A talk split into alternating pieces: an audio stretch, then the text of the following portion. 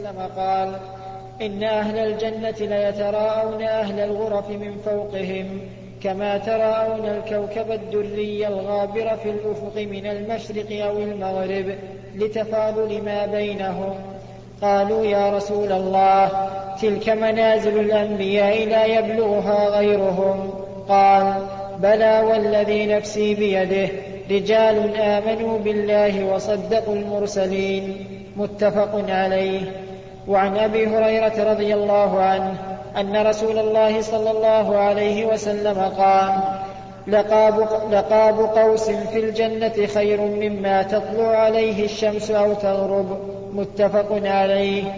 وعن أنس رضي الله عنه أن رسول الله صلى الله عليه وسلم قال إن في الجنة سوقا يأتونها كل جمعة فتهب ريح الشمال. فتحثو في وجوههم وثيابهم فيزدادون حسنا وجمالا فيرجعون إلى أهليهم وقد ازدادوا حسنا وجمالا فيقول لهم أهلوهم والله لقد ازددتم حسنا وجمالا فيقولون وأنتم والله لقد ازددتم بعدنا حسنا وجمالا رواه مسلم.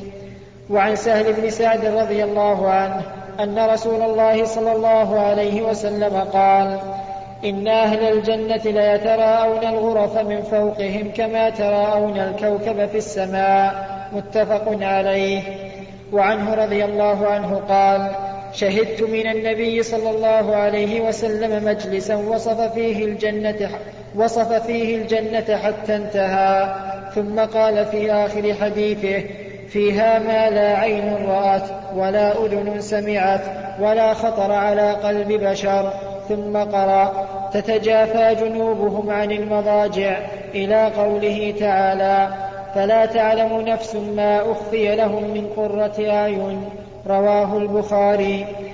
وعن أبي, وعن أبي سعيد وأبي هريرة رضي الله عنهما أن رسول الله صلى الله عليه وسلم قال إذا دخل أهل الجنة الجنة ينادي مناد إن لكم أن تحيوا فلا تموتوا أبدا وإن لكم أن تصحوا فلا تسقموا أبدا وإن لكم أن تشبوا فلا تهرموا أبدا وإن لكم أن تنعموا فلا تبأسوا أبدا.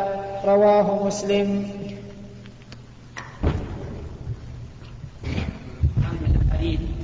أحاديث كثيرة في بيان تفصيل ما لأهل الجنة من النعيم فيها.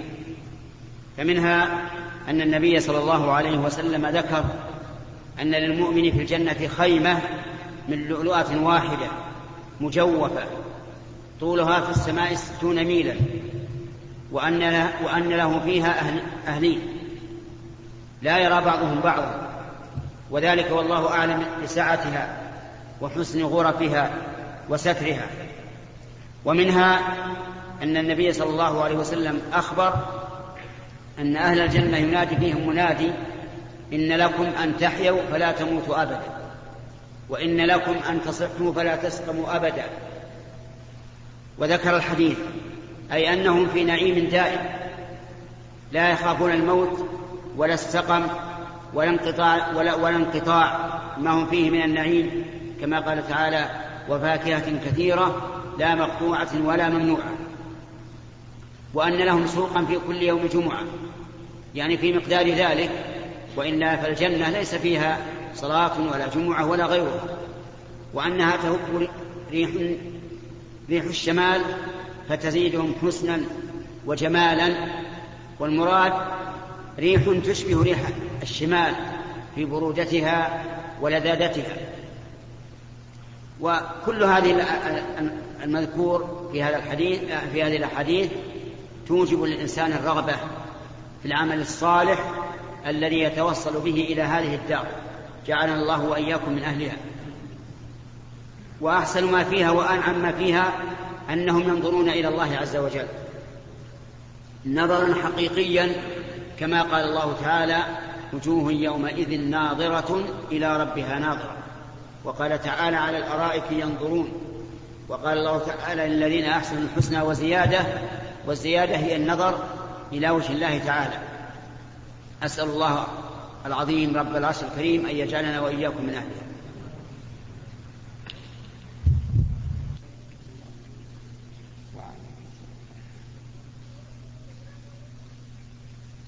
بسم الله الرحمن الرحيم.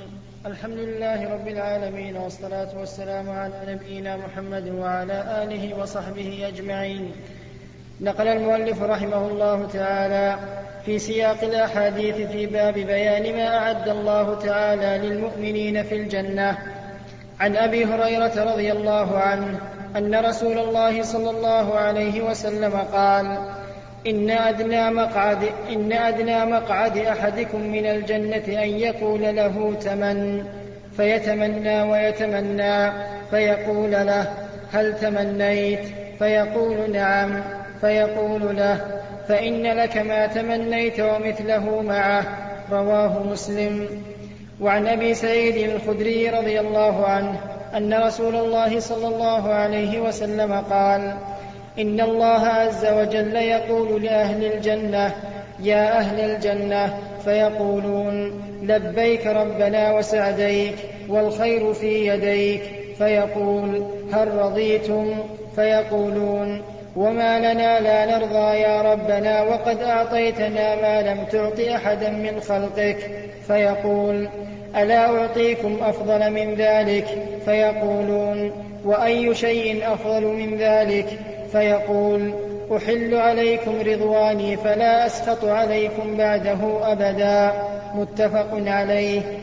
وعن جرير بن عبد الله رضي الله عنه قال كنا عند رسول الله صلى الله عليه وسلم فنظر إلى القمر ليلة البدر وقال إنكم سترون ربكم عيانا كما ترون هذا القمر لا تضامون في رؤيته.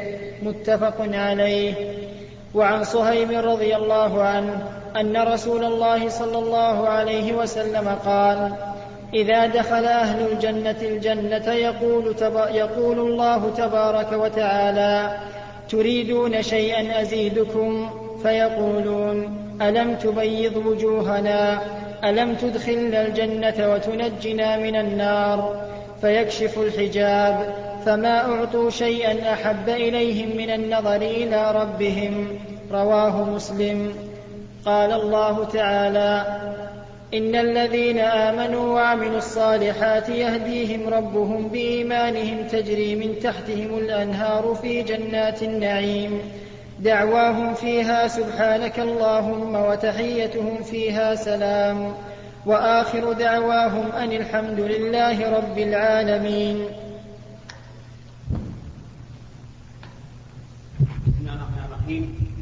ذكر المؤلف في سياق الأحاديث الواردة في نعيم أهل الجنة في كتابه رياض الصالحين الذي ختم به الكتاب رحمه الله. ونسأل الله تعالى أن يجعل هذا فألا طيبا فيدخله وإيانا جنة النعيم. ذكر حديثين في رؤية المؤمنين ربهم يوم القيامة في الجنة. وذكر أن الله تعالى يحل عليهم رضوانه فلا يسخط عليهم بعد ذلك أبدا. ورؤية المؤمنين لربهم في الجنة ثابتة بكتاب الله وسنة رسوله وإجماع الصحابة وأئمة الأمة ولم ينكرها إلا من أعمى الله قلبه والعياذ بالله. ولهذا كانت أحاديثها من الأحاديث المتواترة عن النبي صلى الله عليه وسلم. يقول الله عز وجل وجوه يومئذ ناظرة إلى ربها ناظرة. ويقول سبحانه وتعالى للذين أحسنوا الحسنى وزيادة. وقد فسر أعلم الخلق بكتاب الله محمد رسول الله الزيادة بأنها النظر إلى وجه الله.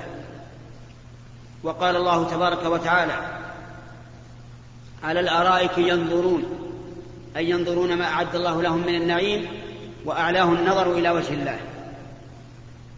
وقال تعالى لهم ما يشاءون فيها ولدينا مزيد والمزيد هو الزيادة التي قال الله تعالى فيها للذين أحسنوا الحسنى وزيادة والتي فسرها النبي صلى الله عليه وسلم بالنظر إلى وجه الله تعالى. وقال تعالى لا تدركه الأبصار وهو يدرك الأبصار وهو اللطيف الخبير. فكونه لا تدركه الأبصار فقوله لا تدركه الأبصار يدل على أن الأبصار تراه ولكنها لا تدركه لأنه جل وعلا أعظم من أن تدركه الأبصار.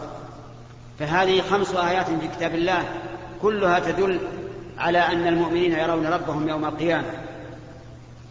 ولا ينكر هذا إلا ضال.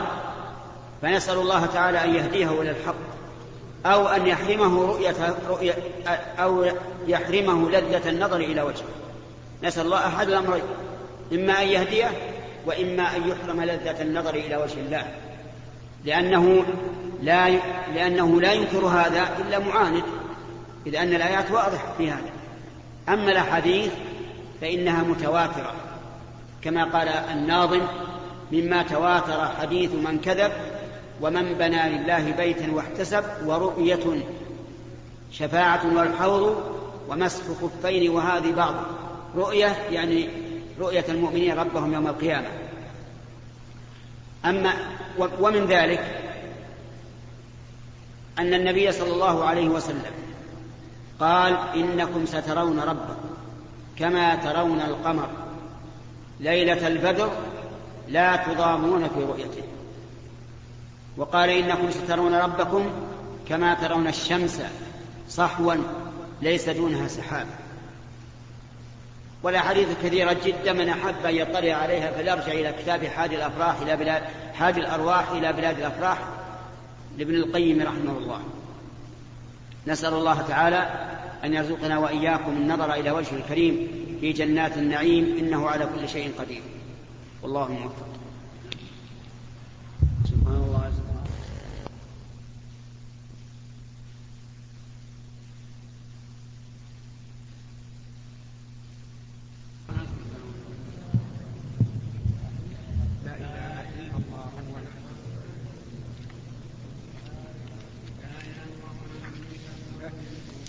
اللهم لا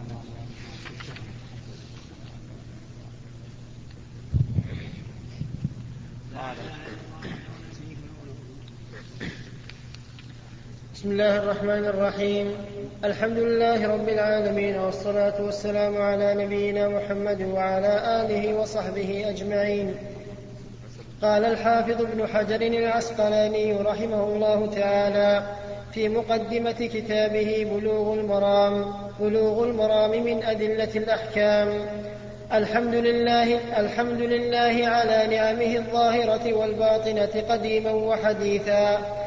والصلاة والسلام على نبيه ورسوله محمد وآله وصحبه الذين ساروا في نصر الذين ساروا في نصرة دينه سيرا حثيثا وعلى أتباعه الذين ورثوا علمهم والعلماء ورثة الأنبياء أكرم بهم وارثا وموروثا. أما بعد فهذا مختصر يشتمل على أصول الأدلة الحديثية للأحكام الشرعية حررته تحريرا بالغا ليصير من يحفظه من ليصير من يحفظه من بين أقرانه نابغا ويستعين به الطالب المبتدي ولا يستغني عنه الراغب المنتهي.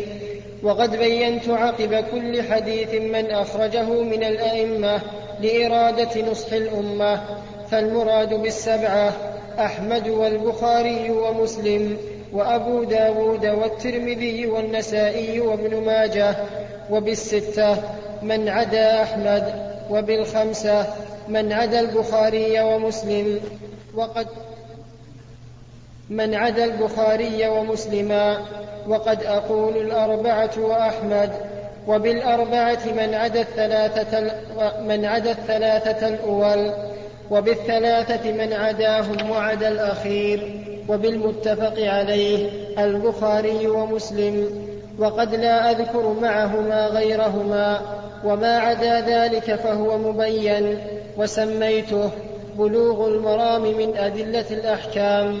والله أسأل أن لا يجعل ما علمنا علينا وبالا وأن يرزقنا العمل بما يرضيه سبحانه وتعالى.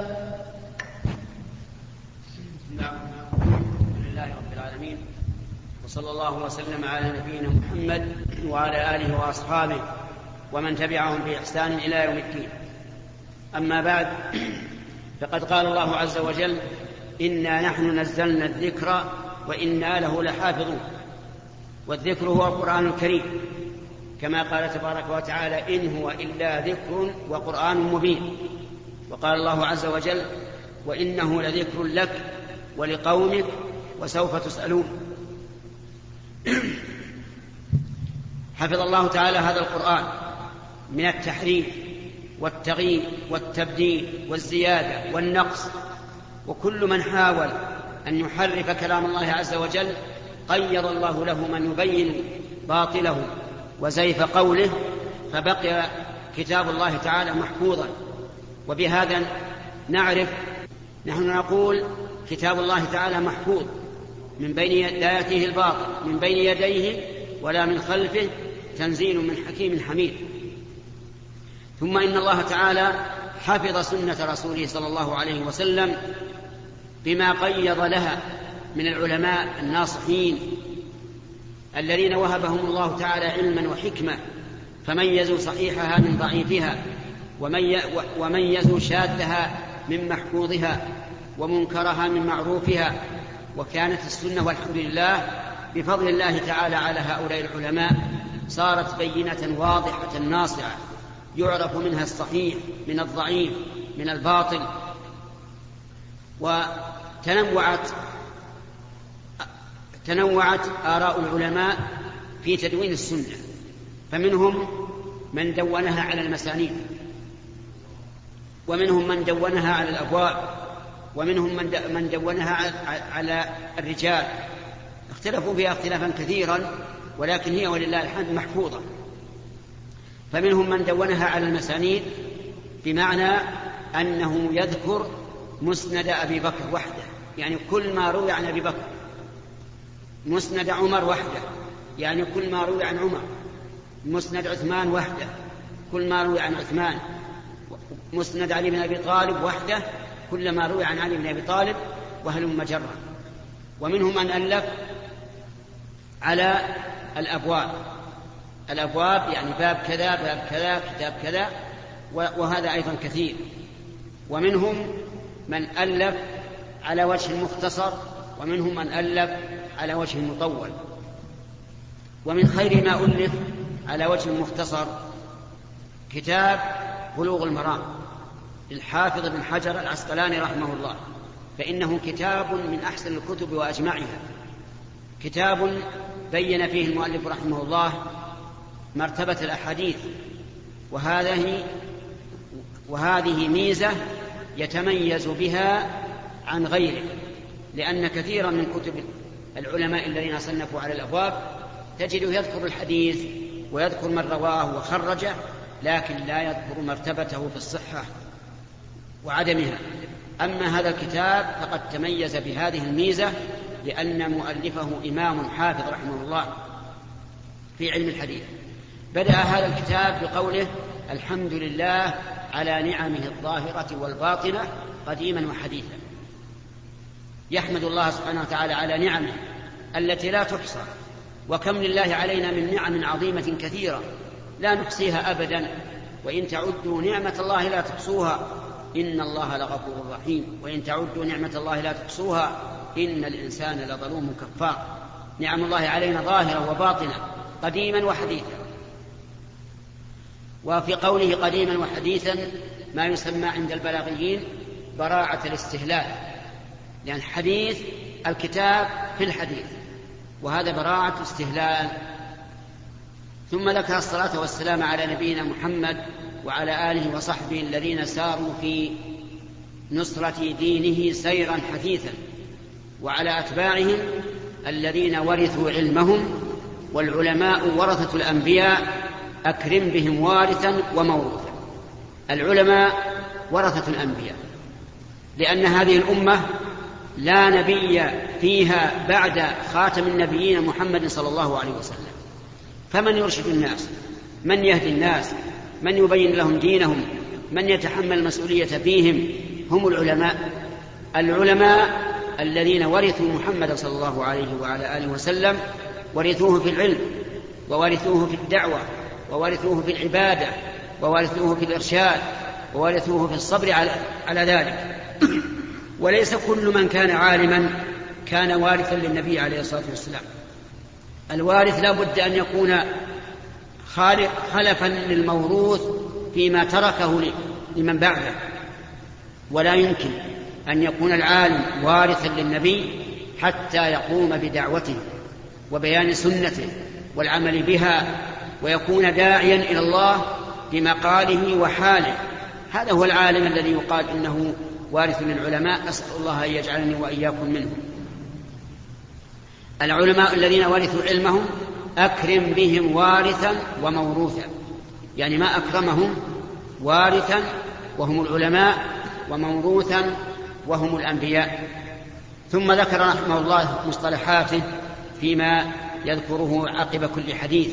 فقد ذكر عقب كل حديث من خرج من السبعة الذين هم الإمام أحمد والبخاري ومسلم وأبو داود والترمذي والنسائي وابن ماجه و و أو بعضهم وقد بين ذلك مفصلا. وذكر رحمه الله أن ما رواه البخاري ومسلم يسميه متفق عليه وهذا اصطلاحه وعليه جرى أكثر الناس. ومنهم ومن العلماء من قال إن المتفق عليه ما رواه البخاري ومسلم والإمام أحمد. كصاحب المنتقى رحمه الله مجد الدين عبد السلام بن تيمية جد شيخ الإسلام ابن تيمية عليه من الله الرحمة والرضوان. هذا قال إنه إذا قال متفق عليه فالمراد رواه أحمد والبخاري ومسلم.